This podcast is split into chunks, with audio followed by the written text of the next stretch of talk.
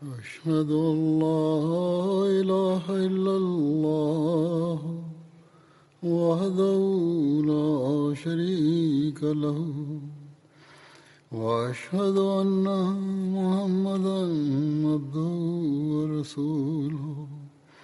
أما بعد فأعوذ بالله من الشيطان الرجيم. بسم الله الرحمن الرحيم. الحمد لله رب العالمين. الرحمن الرحيم. مالك يوم الدين. إياك نعبد وإياك نستعين. اهدنا الصراط المستقيم. صراط الذين أنعمت عليهم غير المغضوب عليهم ولا الضالين.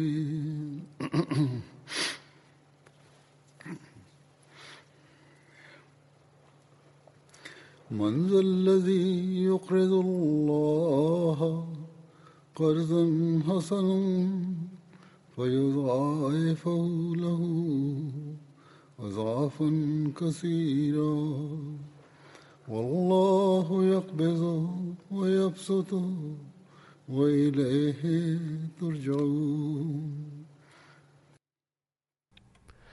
هذه الآية تتحدث عن إقراض الله تعالى. وهذا لا يعني أن الله تعالى بحاجة إلى مال الناس معاذ الله وأنه تعالى يطلب القرض منهم لسد حاجة له. كلا. بل إن القرض له مفهوم عام معروف في معاملاتنا.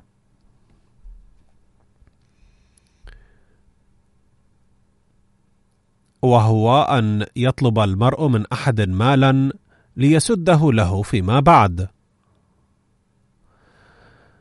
أما القرض لغة فيعني الجزاء خيرا أو شرا. فالمراد من إقراض الله تعالى هو الإنفاق في سبيله تعالى لكي يجزينا عليه خير جزاء.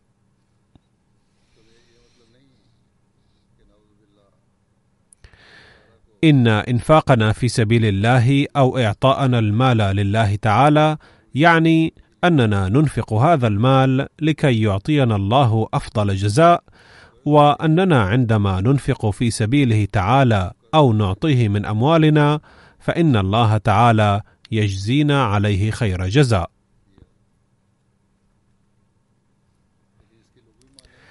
لقد ذكر القرآن الكريم التضحيات عموما والتضحيات المالية في مواضع أخرى كثيرة أيضا.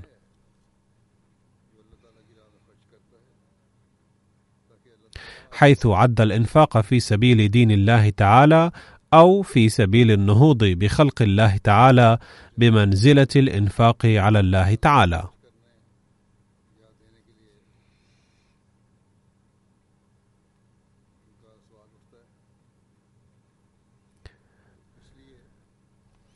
والحق أن ما ينفق المرء لله تعالى لا يضيع ابدا. بل إنه بمنزلة قرض يسدده الله تعالى لصاحبه اضعافا مضاعفة.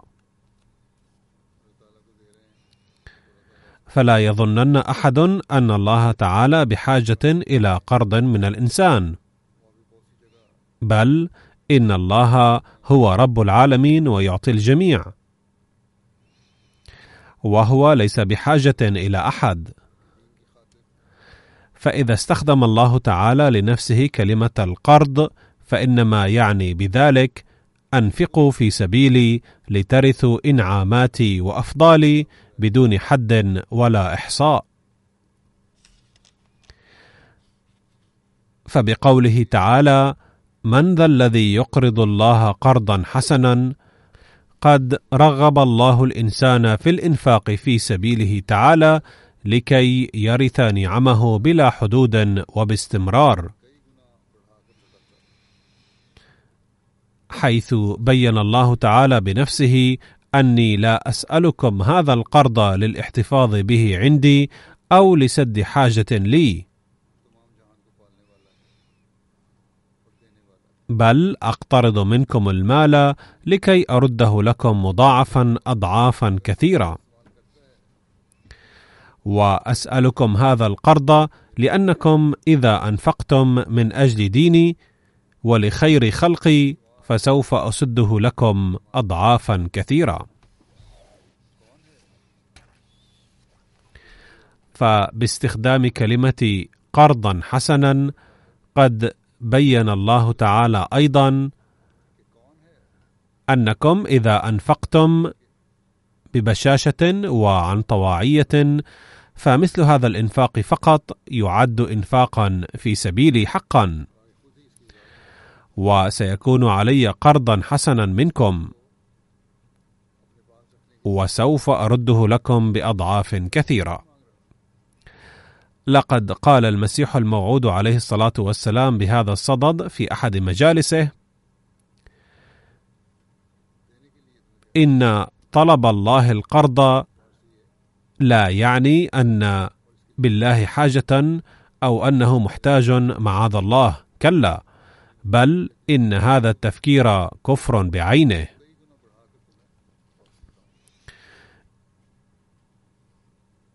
إنما المراد أن الله تعالى سوف يرد هذا المال بثواب من عنده أي سيرده لصاحبه مضاعفا. وهذا أسلوب من أساليب الله تعالى لإنزال فضله على الناس. وقال سيدنا المسيح الموعود عليه الصلاة والسلام في مناسبة أخرى يقول أحد الحمقى عن قول الله تعالى من ذا الذي يقرض الله قرضا حسنا؟ أن هذا يعني أن الله جائع مفلس معاذ الله. ولا ندري كيف استنتج هذا الأحمق من طلب الله القرض أنه تعالى جائع مفلس. كلا. بل إن المراد الحقيقي للقرض هنا الأشياء التي تكون مقرونة بوعد إعادتها إلى صاحبها. والقرض مقرون دائما بوعد سداده. إن هذا المعترض الجاهل أضاف هنا من عند نفسه معنى الإفلاس والفقر. إذ لم يقل الله تعالى هنا إني مفلس وأني بحاجة إلى المال لأنفقه على نفسي. نعم، عندما يكون عبادي جياعا وتنفقون عليهم أموالكم فكأنكم تنفقون علي. ثم يقول عليه السلام: القرض هنا يعني من ذا الذي يقدم لله تعالى اعمالا صالحة ليعطيه جزاءها اضعافا مضاعفة. أي أن كل عمل صالح تعملونه لوجه الله تعالى سيعطيكم الله جزاءه مضاعفا. أي الإنفاق لا ينحصر في المال فقط. ثم يقول عليه السلام وهذا هو المعنى اللائق بعظمة الله. وينكشف هذا المعنى جليا بالتأمل في العلاقة بين العبودية والربوبية. ذلك أن الله تعالى يقوم بتربية الجميع بدون أي مقابل من بر أو دعاء أو تضرع. وبدون أي تمييز بين مؤمن وكافر. وينفع العباد كلهم بفيض ربوبيته ورحمانيته. فأنى له أن يضيع حسنات أحد.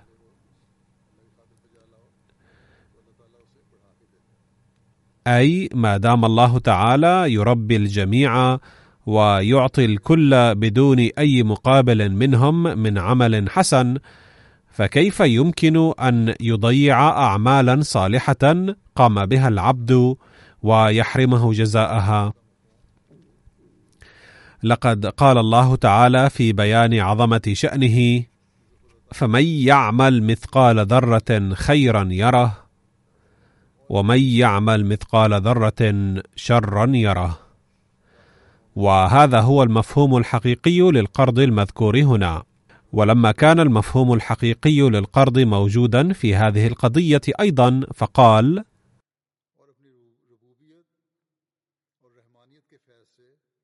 وجاء تفسيره في قوله تعالى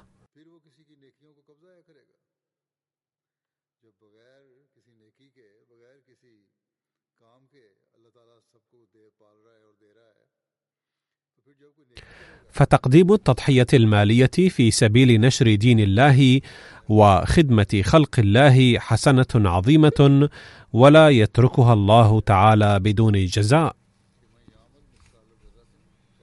وقد بين الله تعالى هذا الأمر في موضع آخر من القرآن الكريم أيضا.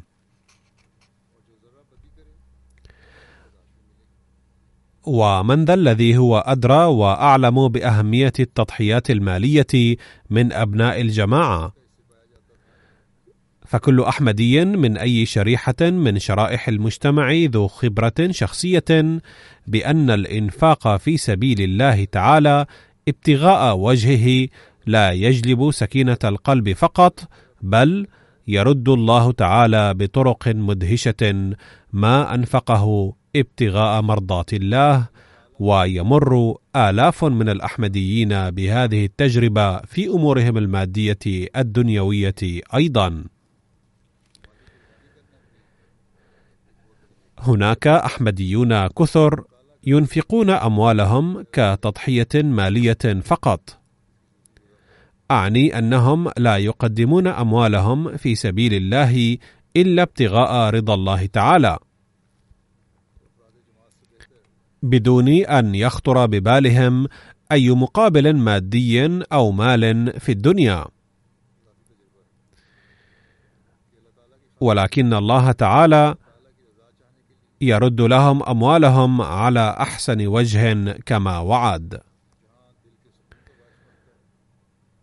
ومنهم من يقدمون التضحية المالية رغم وضعهم المادي السيء متوكلين على الله تعالى بأنه سيسد حاجاتهم بطريقة أو أخرى في كل حال. والله تعالى يسد حاجاتهم أيضا بحسب توكلهم عليه. فتأخذهم الحيرة كيف أن الله تعالى سد حاجاتهم ولكن هذا الأمر مشروط بأن يقدم المرء التضحية المالية بحسن النية ابتغاء مرضاته مع العمل بباقي أحكام الله وفعل الخيرات الأخرى أيضا. وليس أن يظن أحد بإنفاق المال فقط في سبيل الله أنه قد قدم التضحيه كثيرا وأن التضحيه المالية قد أغنت عن أداء فرائض الله الأخرى. كلا لا بد من القيام بالحسنات الأخرى أيضا وليس أن ينفق بتفكير التاجر الذي لا ينفق المال إلا لجلب الأرباح. أي يقول في نفسه أنفق في سبيل الله وسوف آخذ ربحه. على كل حال سوف أقرأ عليكم الآن قصص بعض الإخوة الذين قد حظوا ببركة هذا الحكم الرباني ومعظمهم قد قدموا التضحية المالية في سبيله خالصة لوجهه الكريم. فلم يسد الله تعالى حاجاتهم بطرق مدهشة فقط بل رد لهم أموالهم اضعافا مضاعفة أيضا. وبينهم كثيرون أنفقوا في سبيل الله تعالى ما كان عندهم لسد رمقهم وجوع أولادهم فقط. فهيأ الله تعالى لهم في دقائق قليلة أكثر مما سد جوعهم وأعطاهم أكثر مما أنفقوا اضعافا مضاعفة.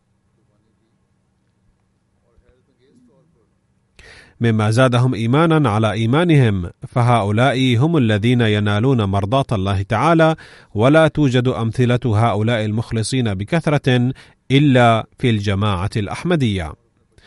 كتب رئيس جماعتنا والداعية المسؤول في غينيا كيناكري قصة بهذا الصدد وقال أنه قرأ على مسامع الإخوة في خطبة الجمعة بالمسجد خطبتي التي ألقيتها حول مشروع الوقف الجديد في السنة الماضية.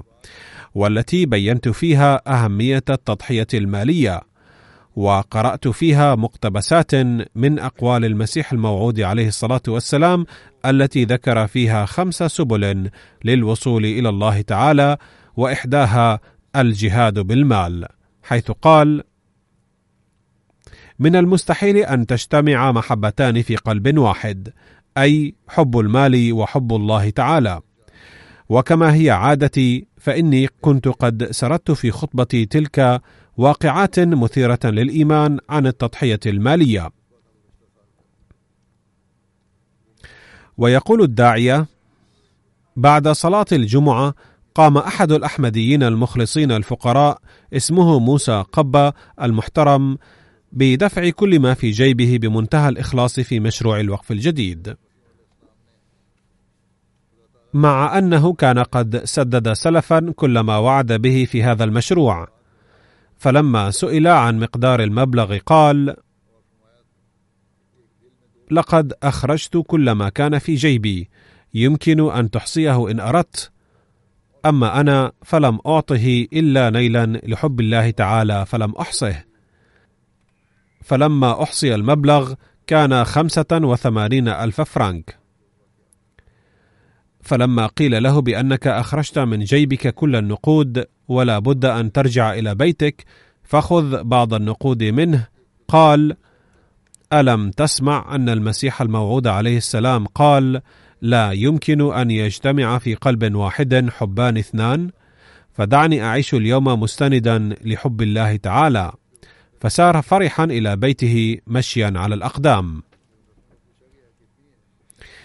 إن رؤية تلك المشاهد تملأ القلب بحمد الله تعالى كما كتب ذلك داعية الجماعة هناك. فما أخلص هذه الجماعة التي أعطى الله تعالى للمسيح الموعود عليه السلام. يسمع الناس الخطب ويقولون بأننا سمعناها ولكن ما أروع الاستماع إليها بهذا العمق لدرجة أنه إذا سمع أن المسيح الموعود عليه السلام قال بأنه لا يمكن أن يجتمع حبان في قلب واحد قال لا يمكن الآن أن يبقى في قلبي حب المال الموجود في جيبي مقابل حب الله تعالى. ثم ما لبث أن عمل وفق قول حضرته عليه السلام. يشكو بعض الناس من تعسر الفهم ولكن لاحظوا استماع هذا الاخ وعمق فهمه والعمل بحسبه. ما أعجب مشاهد التضحية هذه. وهذا أيضا من شروط البيعه أن يحقق المبايع عهد الوفاء مع الله تعالى في كل حال دون أن يرفع أي شكوى وكلما وجد استطاعة للتضحية المالية قام بها بكل وفاء. يقول معارضون أنهم سيمحون اسم الجماعة من العالم. ولكن من ذا الذي يقدر على محو أسماء مثل هؤلاء المحبين الأوفياء؟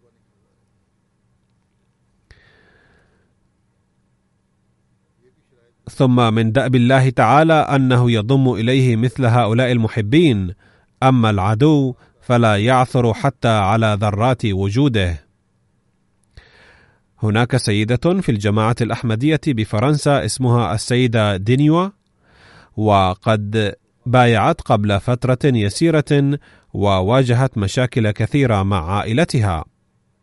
تقول سعيت دوما أن أساهم في التضحية المالية سواء في صندوق الوقف الجديد أو في التحريك الجديد أو التبرع للمسجد.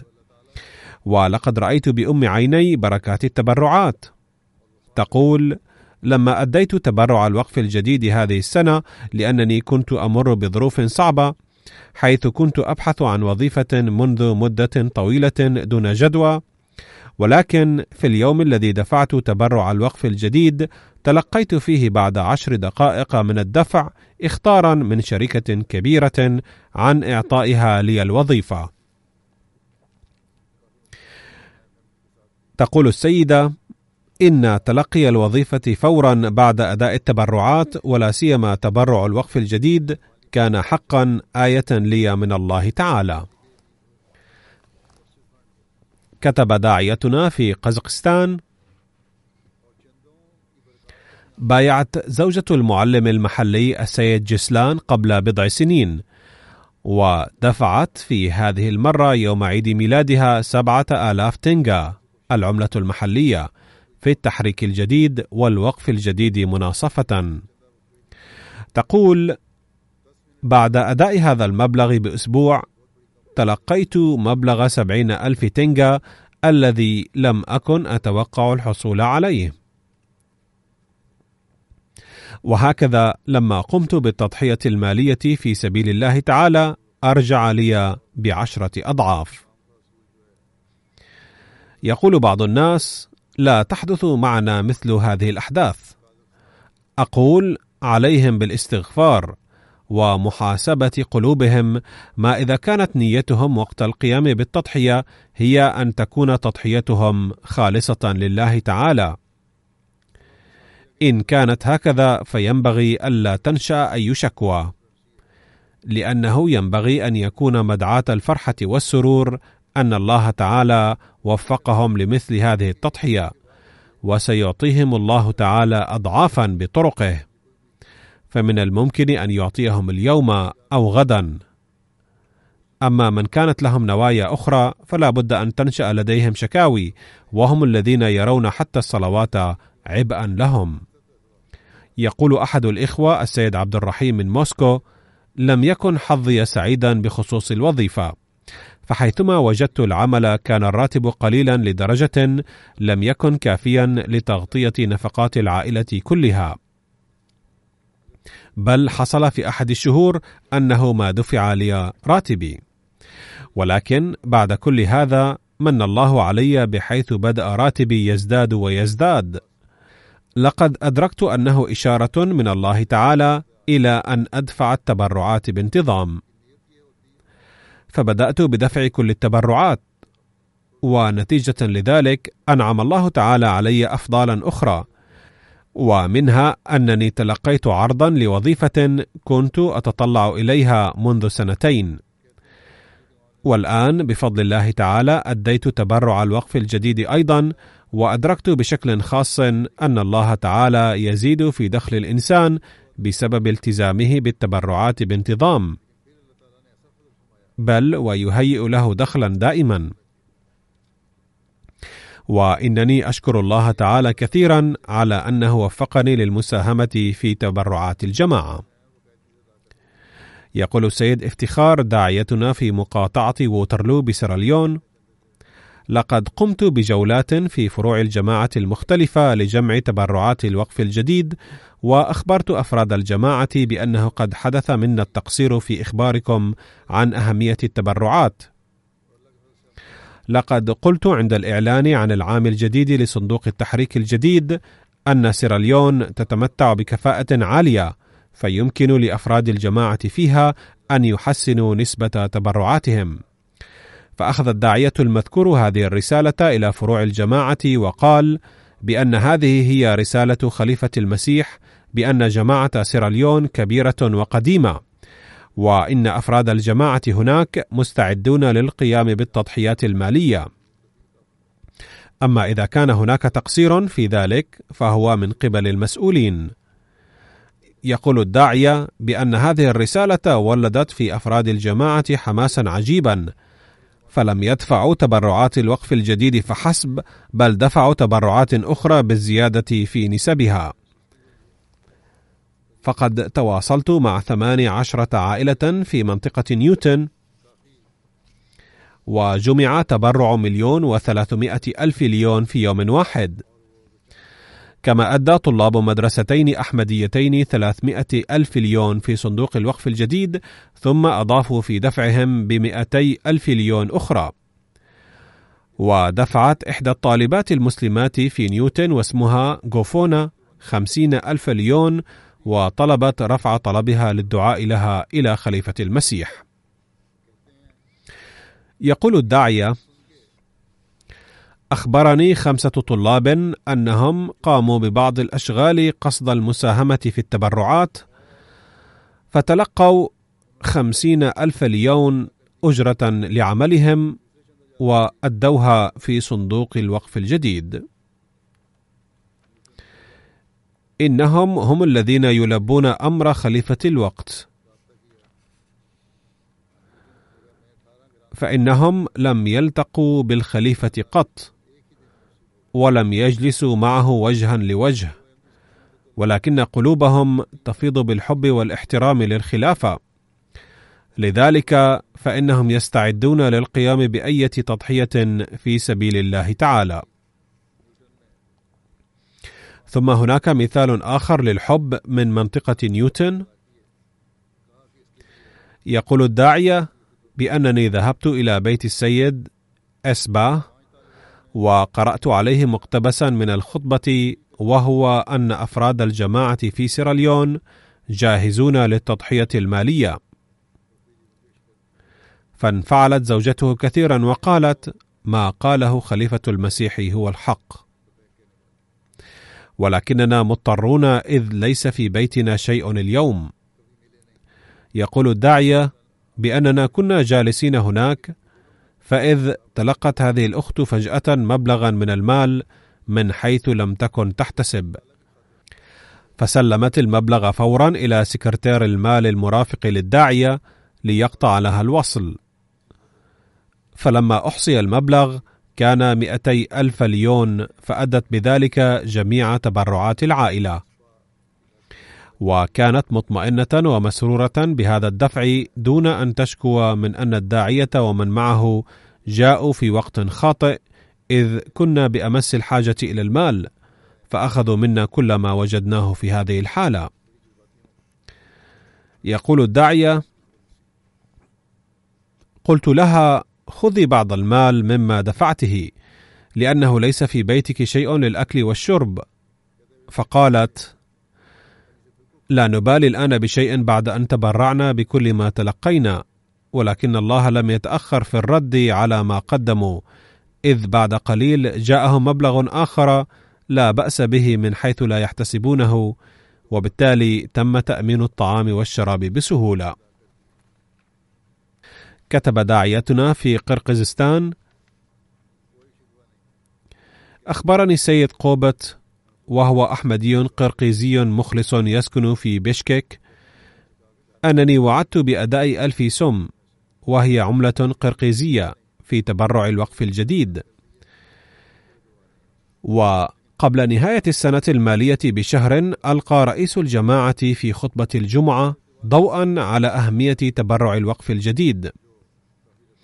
وقرأ على الحاضرين بعض أحداث المتبرعين الواردة في خطبة قديمة لخليفة المسيح.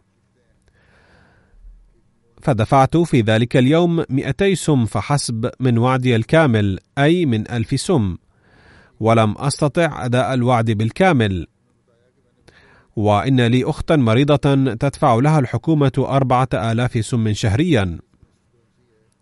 وفي ذلك اليوم حين ذهبت بعد صلاة الجمعة لاستلام المعاش لأختي وأقحمت الكرت في ماكينة ال ATM وجدت في الحساب عشرة آلاف سم. وكانت والدتي قبل أسبوع قد أرسلت إلى الحكومة رسالة طلبت فيها رفع المبلغ الذي نعطى من الحكومة كمعاش. فخطر ببالي أن هذا المبلغ أرسل من الحكومة استجابة لذلك الطلب.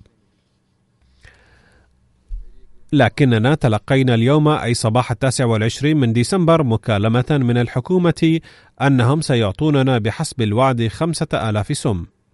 فبذلك وجدنا خمسة آلاف سم إضافية. فدفعت التبرعات المتبقية وما كنا أنفقناه سلفا قد أخذناه من هذا المبلغ. يقول إنها بركة التبرعات التي كنت دفعتها فورا. إذ لم نعرف من أين جاء المبلغ الأول أي عشرة آلاف. ولما كان المبلغ موجودا في حسابنا قال لنا البنك إنه لكم ولا علاقة للبنك به. فهذه التضحيات تتسبب في ازدياد الإيمان. يقول أمير الجماعة في تنزانيا حين ذكرنا السيد خيري رشيدي من جماعة زنجبار قبيل نهاية السنة بأن عليه أن ينجز وعده في الوقف الجديد قال لاحقا حين تم تذكيري لم يكن عندي أي عمل ولا مبلغ لكنني قلت للداعية أن يكتب اسمي ضمن من انجزوا الوعود كاملة وسوف يدبر الله لي بنفسه وبعد ذلك بيومين وجدت عمل السائق والأجر الذي وجدته أول يوم من العمل دفعت منه تبرعات الوقف الجديد بسهولة لي ولأولادي. فبعقد النية بدفع التبرعات قد دبر الله لي دخلا ثابتا، ثم قال: إن هذه الأمور تقوي إيماننا. يقول أمير الجماعة في تنزانيا نفسه: لقد أخبرني السيد طه من إقليم أرينجا أنه في هذا العام لاحظ بركات غير عادية لتبرعات الوقف الجديد حيث كان وعده بستمائة ألف شيلينغ تقريبا وكتب إلى أمير المؤمنين رسالة في نوفمبر نظرا للدائقة المادية إن الأوضاع الاقتصادية والتجارية بشكل عام سيئة في البلد وطلب منه أن يدعو الله تعالى أن يمكنه من إنجاز ما وعد في الوقف الجديد. هنا أود أن أنوه أن الأحمديين لا يكتبون لي الرسائل لتحقيق الأهداف المادية فقط، بل يطلبون مني الدعاء ليتمكنوا من دفع التبرعات.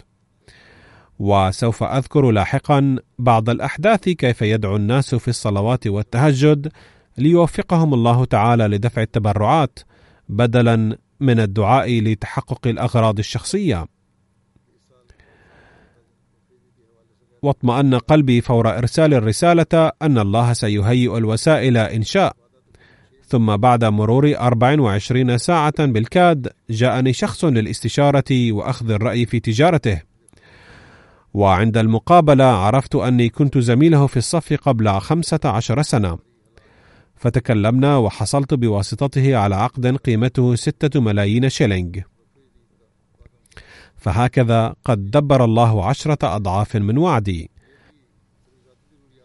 حيث كان وعدي ستمائة ألف فأعطاني ستة ملايين.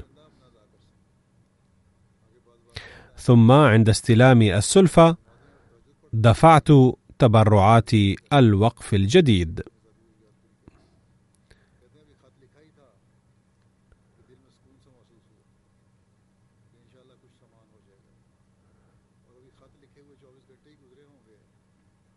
وفي زنجبار أحمدي جديد السيد جمعة يشتغل عاملا في سوق الخضار. وحين قيل له أن يدفع شيئا في صندوق الوقف الجديد كانت مواصلات النقل في تلك الأيام متوقفة. وعمله تحميل الشاحنات وإفراغها وكان يعاني ضائقة مالية. كما قلت لكم قبل قليل أنه قال إني دعوت في التهجد لبضعة أيام. وانظروا أنه عامل عادي فقير لكنه لا يدعو الله تعالى لسد حاجاته الشخصية وتوفر ما يشبع بطنه بل قد دعا الله بوجه خاص لبضعة أيام في التهجد ليوفقه لدفع التبرعات حتى لا يتخلف عن التضحية بالمال. ثم قبل ثلاثة أيام من نهاية السنة بدأ عمله من جديد وانتهى توقف الحركة وكسب ما يقارب 300 ألف شيلينغ ووفق لدفع تبرعاته هو وأسرته. ثم قال منذ بايعت قد بارك الله في مالي بفضل دفع التبرعات بركات ملحوظة. فهؤلاء رجال لا يهمهم غير دفع التبرعات. وهم كما قلت يدعون من أجل ذلك في التهجد باكين. ويمكن أن يقول رجل مادي إثر سماع ذلك إنه جنون. لكن هؤلاء الذين يراهم أهل الدنيا سفهاء ينظر الله إليهم بحب ويسد حاجاتهم بنفسه. إنني أقرأ في التقارير احداثا عجيبة وغريبة.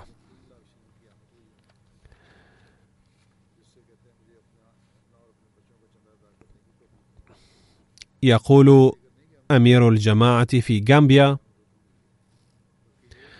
أن السيد إبراهيم صاحب المحل في إحدى قرى الضفة الشمالية كان تاجرا ناجحا جدا. وكان الناس يأتمنونه وكان غير أحمدي. ثم أفلس فجأة لأسباب وأنفق من أمانات الناس لحفظ تجارته. ثم لما خاف أنه لن يتمكن من إعادة الأمانات هرب إلى مسقط رأسه غينيا كوناكري وأقام هناك ثلاث سنوات. ثم قرر لحسنة في قلبه أنه يجب أن يعود ويتصدى للأوضاع ويسعى لتسديد القروض بأية طريقة.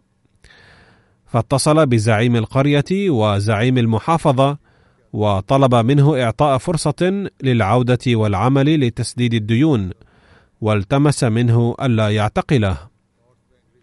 فسمح له الزعيم بشرط أن يعمل بجهد ويعيد أمانات الناس. وإن لم يفعل ذلك فسوف يسجن. وبعد عودته بأربعة أشهر وصلت إليه دعوة المسيح الموعود عليه السلام فقبل الأحمدية. وبدأ يدفع التبرعات بانتظام ويشترك في الصناديق المالية حيث كان يتبرع بشيء مما يكسب. فببركة التبرعات بفضل الله تعالى قد بورك في عمله كثيرا حيث تمكن خلال سنتين من تسديد الديون التي تقدر بمئتي ألف ديلاسي. وليس ذلك فحسب بل قد بنى بيته أيضا وفتح المحل أيضا من جديد وعمله يزدهر أكثر بكثير من ذي قبل. وهو يقول بنفسه أن كل ذلك ببركة التبرعات. تقول سيدة أخرى من لجنة إماء الله في أستراليا: حين انتقلنا إلى بيت جديد لم تكن أوضاعنا الاقتصادية جيدة، حيث كانت أجرة البيت مرتفعة، ولم أكن أملك مالا يكفي لشراء أغراض ضرورية، وفي نفس الوقت كانت سنة التبرعات توشك على الانتهاء، فدفعت التبرعات متوكلة على الله تعالى. والملاحظ أنها تعيش في بلد مادي لا في أي بلد فقير. فدعوت الله تعالى أن يتكفل بنفسه حاجاتي ويغنيني عمن سواه. وفي مساء ذلك اليوم نفسه جاء زوجي وسلم لي مبلغا قائلا اليوم قدم لي مديري راتبا اضافيا ولم يقدم لأحد سواي من الموظفين. وكان المبلغ ضعفي ما دفعته في التبرعات فاندهشت بملاحظة فضل الله تعالى ومنته وأيقنت بأن الله تعالى لا يخذل ابدا من يضحي من أجله.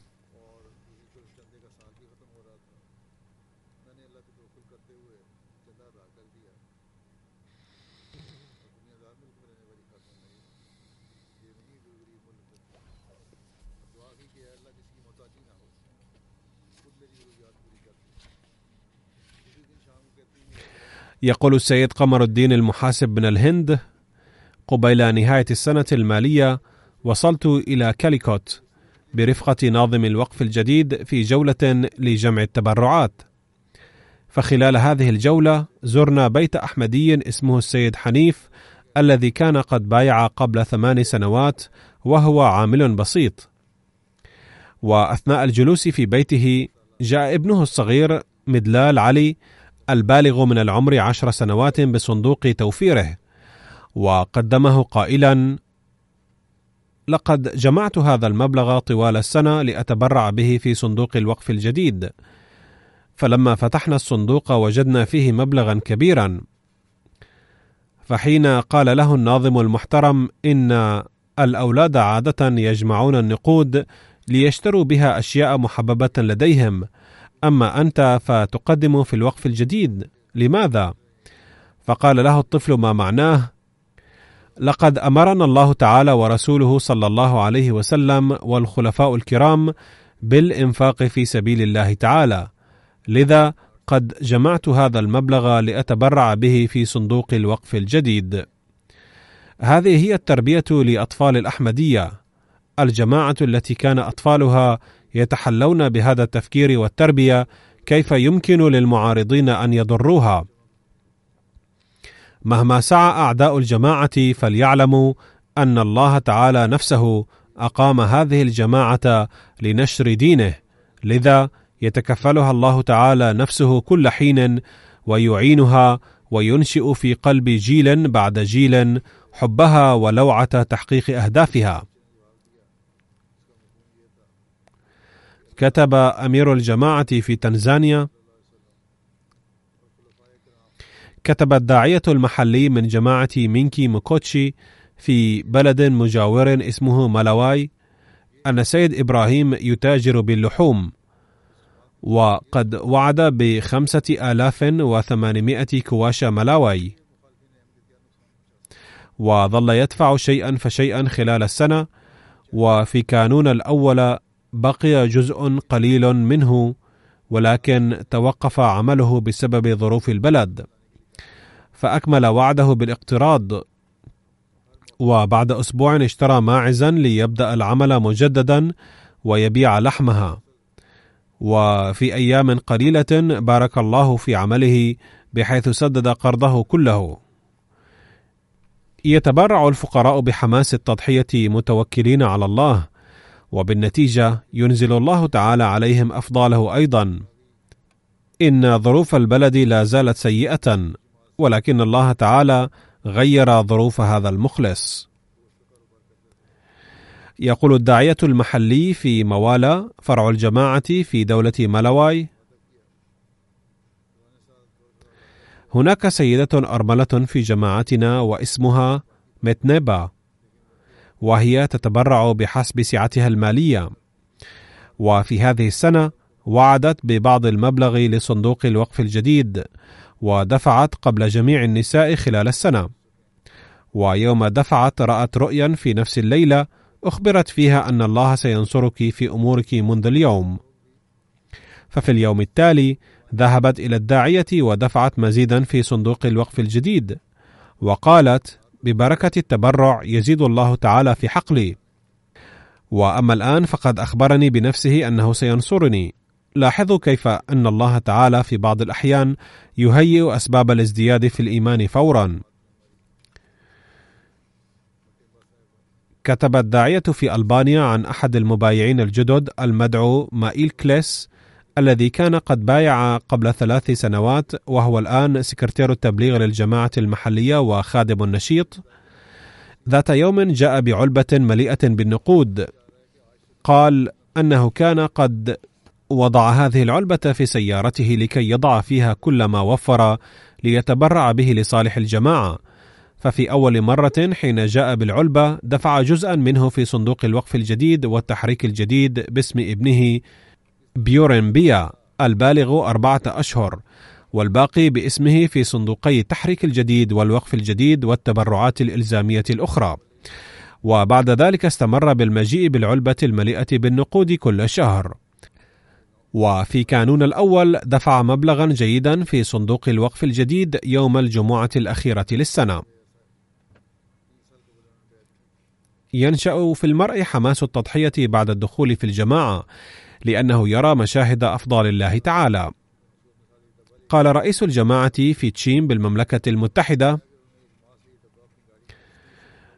كنا متخلفين جدا من تحقيق هدفنا لتبرع الوقف الجديد وكنت أدعو الله تعالى في صلاة التهجد من أجل ذلك فقالت لي زوجتي في أحد الأيام إذا قلت لعائلة كذا سيتحقق الهدف فتواصلت معهم فدفع صاحب العائلة ألف جنيه استرليني طالبا ألا نظهر اسمه. وإضافة إلى ذلك دفع ألف جنيه باسم أولاده. وقال إذا احتجتم إلى شيء آخر فأخبروني. ومن المملكة المتحدة نفسها قالت سكرتيرة الوقف الجديد في إسلام آباد كنت بعد التخرج من الجامعة مشغولة برعاية أطفالي. والآن بلغ أولادي خمسة وثمانية سنوات من العمر. وكانت التبرعات كلها تدفع من دخل زوجي. وكانت تأتي في حساب المساعدة الحكومية للأولاد. كنت أظن أنني ما أنفقه في سبيل الله هو لا يمكن أن يسمى التضحية المالية الحقيقية. فمنذ أيلول من هذه السنة بدأت دفع التبرعات من حسابي الخاص للوصية والتحريك الجديد والوقف الجديد باسمي وباسم جدتي وعمي أيضا. وجعلت قسطا شهريا جيدا حتى تعد تضحية مالية حقيقية. وفي نفس الشهر قدمت طلبا للوظيفة كأستاذة في المدرسة لكي أحرز تجربة ولكن لم أكن أتوقع النجاح. يوم ذهب القسط الأول للتبرعات جاءني هاتف من المدرسة للمقابلة.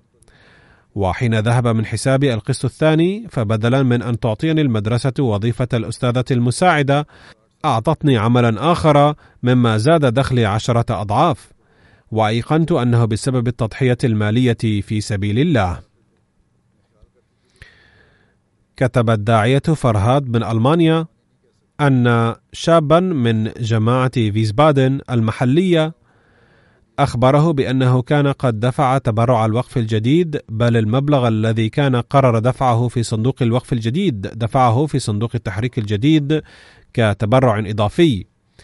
وفي الشهر نفسه جاءتني رسالة من قسم الضرائب أن على ذمتي 800 يورو ولكنني بالرغم من ذلك دفعت تبرع الوقف الجديد بتكبد العناء وقلت في نفسي سوف أقترض لدفع الضريبة. ولكن بعد أسابيع تلقيت رسالة من قسم الضرائب إننا راجعنا الحسابات فتبين أنه ليس على ذمتك شيء من الضريبة بل علينا أن نعيد إليك أربعة آلاف وأربعمائة يورو. وبعد بضعة أيام تعرضت سيارتي لحادث وكان الخطأ لشخص آخر. فحصلت على أربعة آلاف وسبعمائة يورو. هكذا ما أديته من المبلغ الزائد بتكبد قليل من العناء أرجعه الله تعالى. يمكن أن يقول أحد إنها صدفة ولكن المؤمن يعلم أنه نتيجة فضل الله الخاص.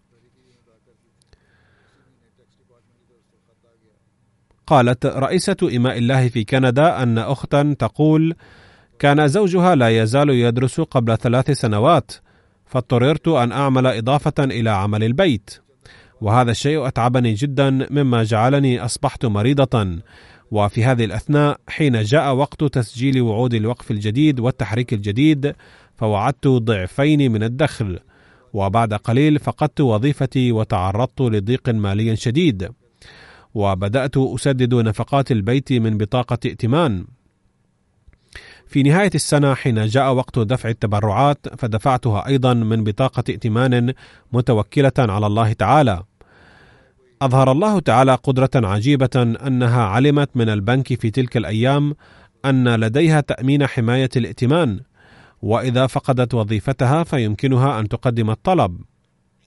هكذا هيأ الله تعالى أسبابا لتسديد بطاقة ائتمان وإضافة إلى ذلك وجدت وظيفة جديدة كانت أفضل من الوظيفة القديمة مما تحسنت ظروفها فدفعت مزيدا من التبرعات الإلزامية وزادت تبرعاتها التطوعية أيضا. وفي هذه الأثناء أكمل زوجها أيضا دراسته وحصل على وظيفة جيدة فتركت وظيفتها وكفاهم عمل الزوج فقط.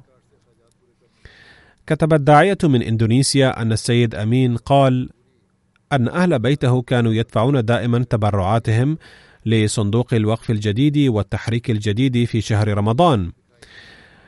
ولكن في هذه السنة كان الدخل قليلا وكان تحقيق الوعد يبدو صعبا. كتب الداعية إنني رأيت بنفسي أنه كان يذهب مع أهل بيته يوميا في حالة الصيام إلى حقله لشمعة الجوز الواقع على بعد أربع كيلومترات لكي يسدد بما يجني وعوده. فاستطاع أن يسدد وعده الذي يقدر بمئتي ألف روبية إندونيسية. لم يكن سهلا أن يجمع هذا القدر الكبير من المال. فسألته ما الذي يجبرك على أن تتحمل هذه المشقة مع الصيام؟ فقال: أنا وأهل بيتي لا نريد إلا نيل رضا الله تعالى بالعمل بأوامر الخليفة.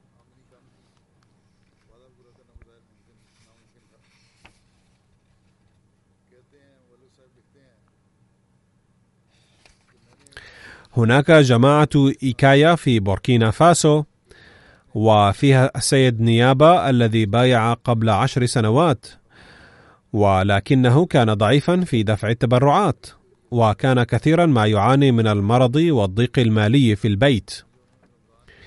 بعد فترة وجيزة بدأ بأداء التبرعات بانتظام ولا سيما في صندوق التحريك الجديد والوقف الجديد.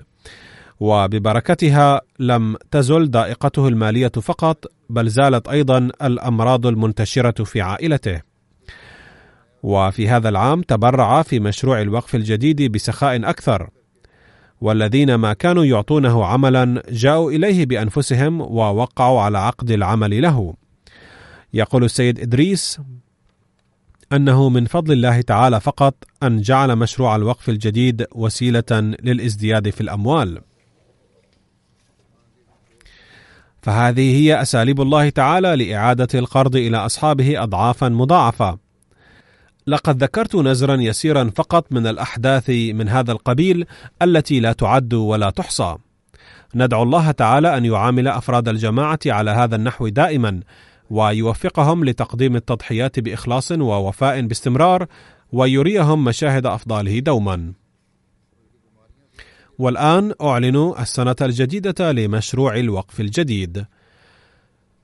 وسأقدم لكم بعض الإحصائيات المتعلقة بالسنة المنصرمة، فقد انتهت بفضل الله تعالى السنة الثالثة والستون لمشروع الوقف الجديد، وبدأت من أول يناير كانون الثاني السنة الرابعة والستون.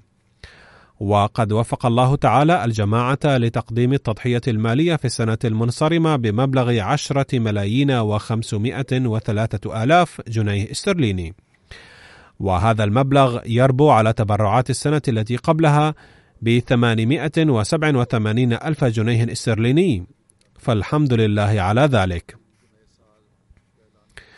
ولكن هذه ليست نتيجة مساع بشرية بل هي نتيجة فضل الله تعالى فقط. في هذا العام احتلت جماعة بريطانيا المرتبة الأولى بين فروع الجماعة في العالم من حيث مبلغ التبرع الإجمالي، وقد أضافت في مجموع التبرع إضافة ملحوظة. وإن لجنة إماء الله في بريطانيا أيضا تبذل جهودا كبيرة بفضل الله تعالى. ويبدو أن الزيادة المذكورة جاءت لأن الرجال أيضا بذلوا جهودا كبيرة مثل النساء. جاءت جماعة ألمانيا في المرتبة الثانية مع أنهم أيضا أضافوا في التبرع كثيرا ومع ذلك إن جماعة بريطانيا متقدمة على ألمانيا كثيرا. لقد تأخرت جماعة باكستان كثيرا عما سبق بسبب تدهور قيمة العملة الباكستانية إلى حد كبير. ومع ذلك تحتل جماعة باكستان المرتبة الثالثة. على أي حال تقدمت جماعة باكستان من حيث التبرع الإجمالي على الرغم من تدهور قيمة العملة. ويقدم أفرادها تضحيات مالية باستمرار كما يقدمون تضحيات الأرواح وتضحيات العواطف أيضا ويواجهون إذاءات نفسية باستمرار. ندعو الله تعالى أن يهيئ لهم سهولة ويسرا. تحتل جماعة كندا المرتبة الرابعة وتليها أمريكا ثم الهند ثم أستراليا ثم هناك جماعة من الشرق الأوسط ثم إندونيسيا ثم غانا. لقد انضمت غانا من البلاد الإفريقية إلى قائمة الدول الكبيرة. حيث قد دخلت قائمة الجماعات العشرة الأولى. إن جماعة أمريكا هي الأولى من حيث الدفع على المستوى الفردي ثم سويسرا ثم بريطانيا. وهذه القائمة على مستوى البلاد الإفريقية هي كالتالي: تحتل غانا المرتبة الأولى ثم موريشيوس ثم نيجيريا ثم بوركينا فاسو ثم تنزانيا ثم سيراليون ثم غامبيا وتليها كينيا ومالي وبنين. عدد المشتركين في مشروع الوقف الجديد هذا العام هو مليون وأربعمائة واثنين وخمسون ألف فرد. ترتيب فروع الجماعة في بريطانيا من حيث جمع المبلغ الإجمالي هو كالتالي فارنهام إسلام آباد ويستر بارك باتني برمنغهام الشمالية جيلينغهام جيم الشمالية منطقة مسجد فضل برمنغهام الغربية نيو مولدن. المناطق الخمسة الأولى من حيث المبلغ الإجمالي هي منطقة بيت الفتوح مسجد فضل إسلام آباد ميدلاند ثم منطقة بيت الإحسان. الجماعات العشرة الأولى على مستوى تبرع الأطفال هي فارنام إسلام آباد روهامبتون فيل ثم بيت الفتوح ثم ميجل بارك ثم غلاسغو ثم جيم ثم جيلفورد ثم ويستر بارك ثم برمنغهام الشمالية. قائمة فروع الجماعة الصغيرة التي احتلت المراتب العشرة الأولى هي كالتالي هامبتون سبا سبين فالي بولموث بريتن مونرنت بيتر كونتري إدنبرا كيتلي سوانزي فروع الجماعة الخمسة المحلية في ألمانيا على مستوى الإمارة هي هامبورغ، فرانكفورت، فيسبادن، غراسغراو، دوتسنباخ. ترتيب عشرة فروع الجماعة في ألمانيا من حيث التبرع على مستوى الكبار هي كما يلي رودرمارك نويس رودرمارك ثم نويس ثم نيدا ثم مهدي أباد ثم ماينز كوبلز ثم هناو لانجن ثم فلورنهايم ثم بينيبورغ والمناطق الخمسة الأولى على مستوى الأطفال هي هيسن رودس ثم هيسويتي ثم راينلندا ثم فالز الغربية ثم فالز الغربية. الجماعات الثلاث الأولى في باكستان هي أولا لاهور ثم ربوة ثم كراتشي والترتيب على مستوى المحافظات هو أولا محافظة إسلام آباد ثم روالبندي ثم سرغودا ثم جوجرات ثم جوجرانوالا ثم عمر كوت ثم حيدر آباد ثم بيشاور ثم ميربور خاص ثم ديرا غازي خان. قائمة الجماعات العشرة الأولى من حيث التبرع الإجمالي هي ديفنس لاهور ثم إسلام آباد ثم تاونشيب لاهور ثم كليفتن كراتشي ثم دار الذكر لاهور ثم جولشن إقبال كراتشي ثم سمن باد وعزيز أباد كراتشي. مدينة راولبندي علامة إقبال تاون لاهور. ترتيب ثلاثة فروع الجماعة في باكستان من حيث تبرع الأطفال هو لاهور كراتشي وربوة وهذا الترتيب في باكستان على مستوى المحافظات هو كالتالي إسلام آباد، جوجرنوالا، سرغودا، شيخوربورا، فيصل آباد، ديرا غازي خان، غوجرات، عمركوت، ناروال، باهاولنجر ترتيب فروع الجماعة في كندا على مستوى المناطق هو فان ثم قرية السلام ثم فانكور برامتون ويست ثم تورنتو الغربية. وهذا الترتيب من حيث فروع الجماعة العشرة الأولى في كندا هو كما يلي. بريدفورد دورام هاملتون الشرقية إدمنتون الغربية وينزر ميلتون وريجاينا أوتاوا الغربية إدري أبوتسفورد.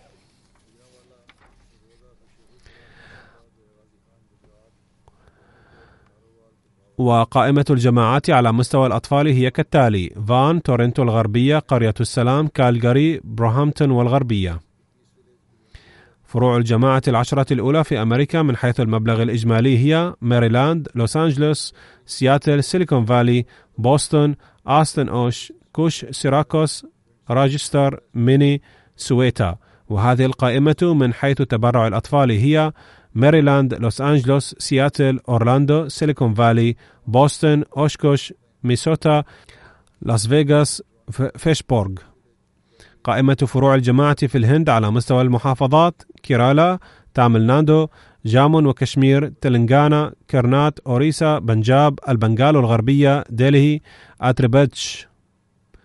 وهذا الترتيب على مستوى الجماعات هو كويمباتور، قاديان، باتان، بريام، حيدر أباد، كولكوتا، بانغلور، كاليكوت، كنور تاون، ريشي نجار، كيرينغ وترتيب فروع الجماعة في أستراليا هو كالتالي ميلبورن لانغوارن، كاسل هيل، مارسدن بارك، ميلبورن بيرويك، أديلايد الغربية، ماونت درويت، بيرث، بنريث، لوغان الشرقية، بليك تاون. و هذا الترتيب في جماعة أستراليا من حيث تبرع الكبار هي كالتالي ميلبورن لانغوارن كاسل هيل مارسدن بارك ميلبورن بيرويك بنريث ماونت درويت بليك تاون أديلايد الجنوبية بيرث كانبيرا وهذا الترتيب في أستراليا على مستوى الأطفال هو كما يلي ميلبورن لانغوارن ميلبورن بيرويك ماونت درويت لوغان الشرقية بنريث كاسل هيل ميلبورن الشرقية بيرث أديلايد الغربية.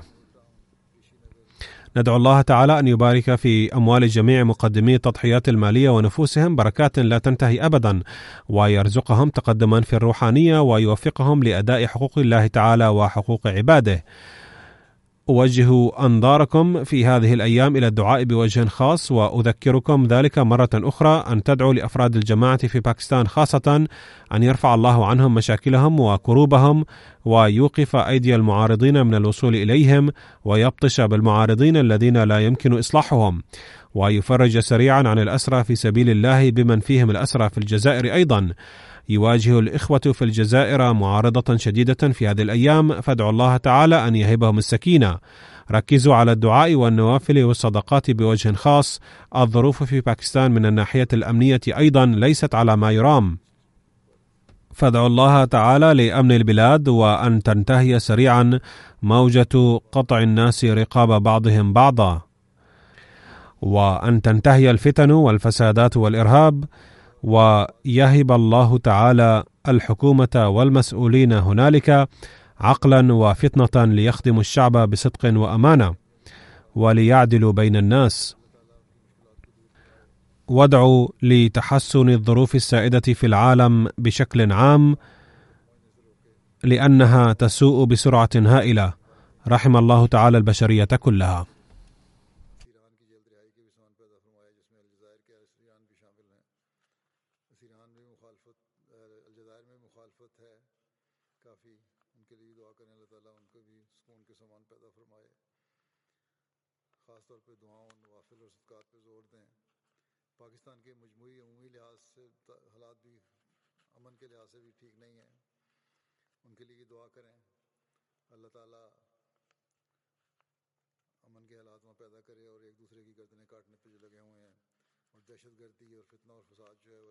جلد ختم کرنے کے سامان پیدا فرمائے۔ وہاں کی انتظامیہ اور حکومت کو بھی عقل دے کہ وہ حقیقی رنگ میں عوام کی خدمت کرنے والے ہوں اور انصاف سے کام لینے والے ہوں۔ اسی طرح دنیا کے عمومی حالات کے بارے میں بھی دعا کریں جو بہت تیزی سے بگڑ رہے ہیں۔ اللہ تعالیٰ سب انسانیت پر رحم فرمائے۔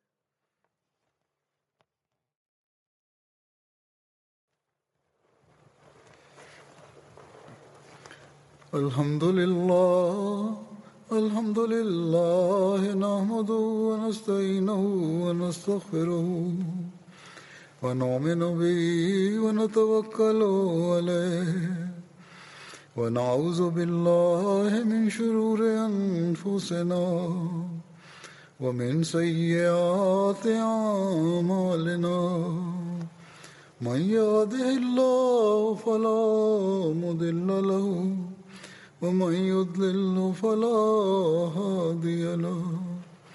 ونشهد أن لا إله إلا الله. ونشهد أن محمدا عبده ورسوله. عباد الله رحمكم الله. إن الله يأمر بالعدل والإحسان.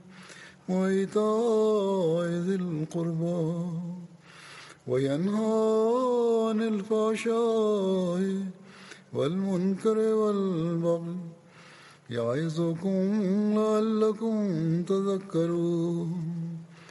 اذكروا الله يذكركم ودوه يستجب لكم ولذكر الله أكبر.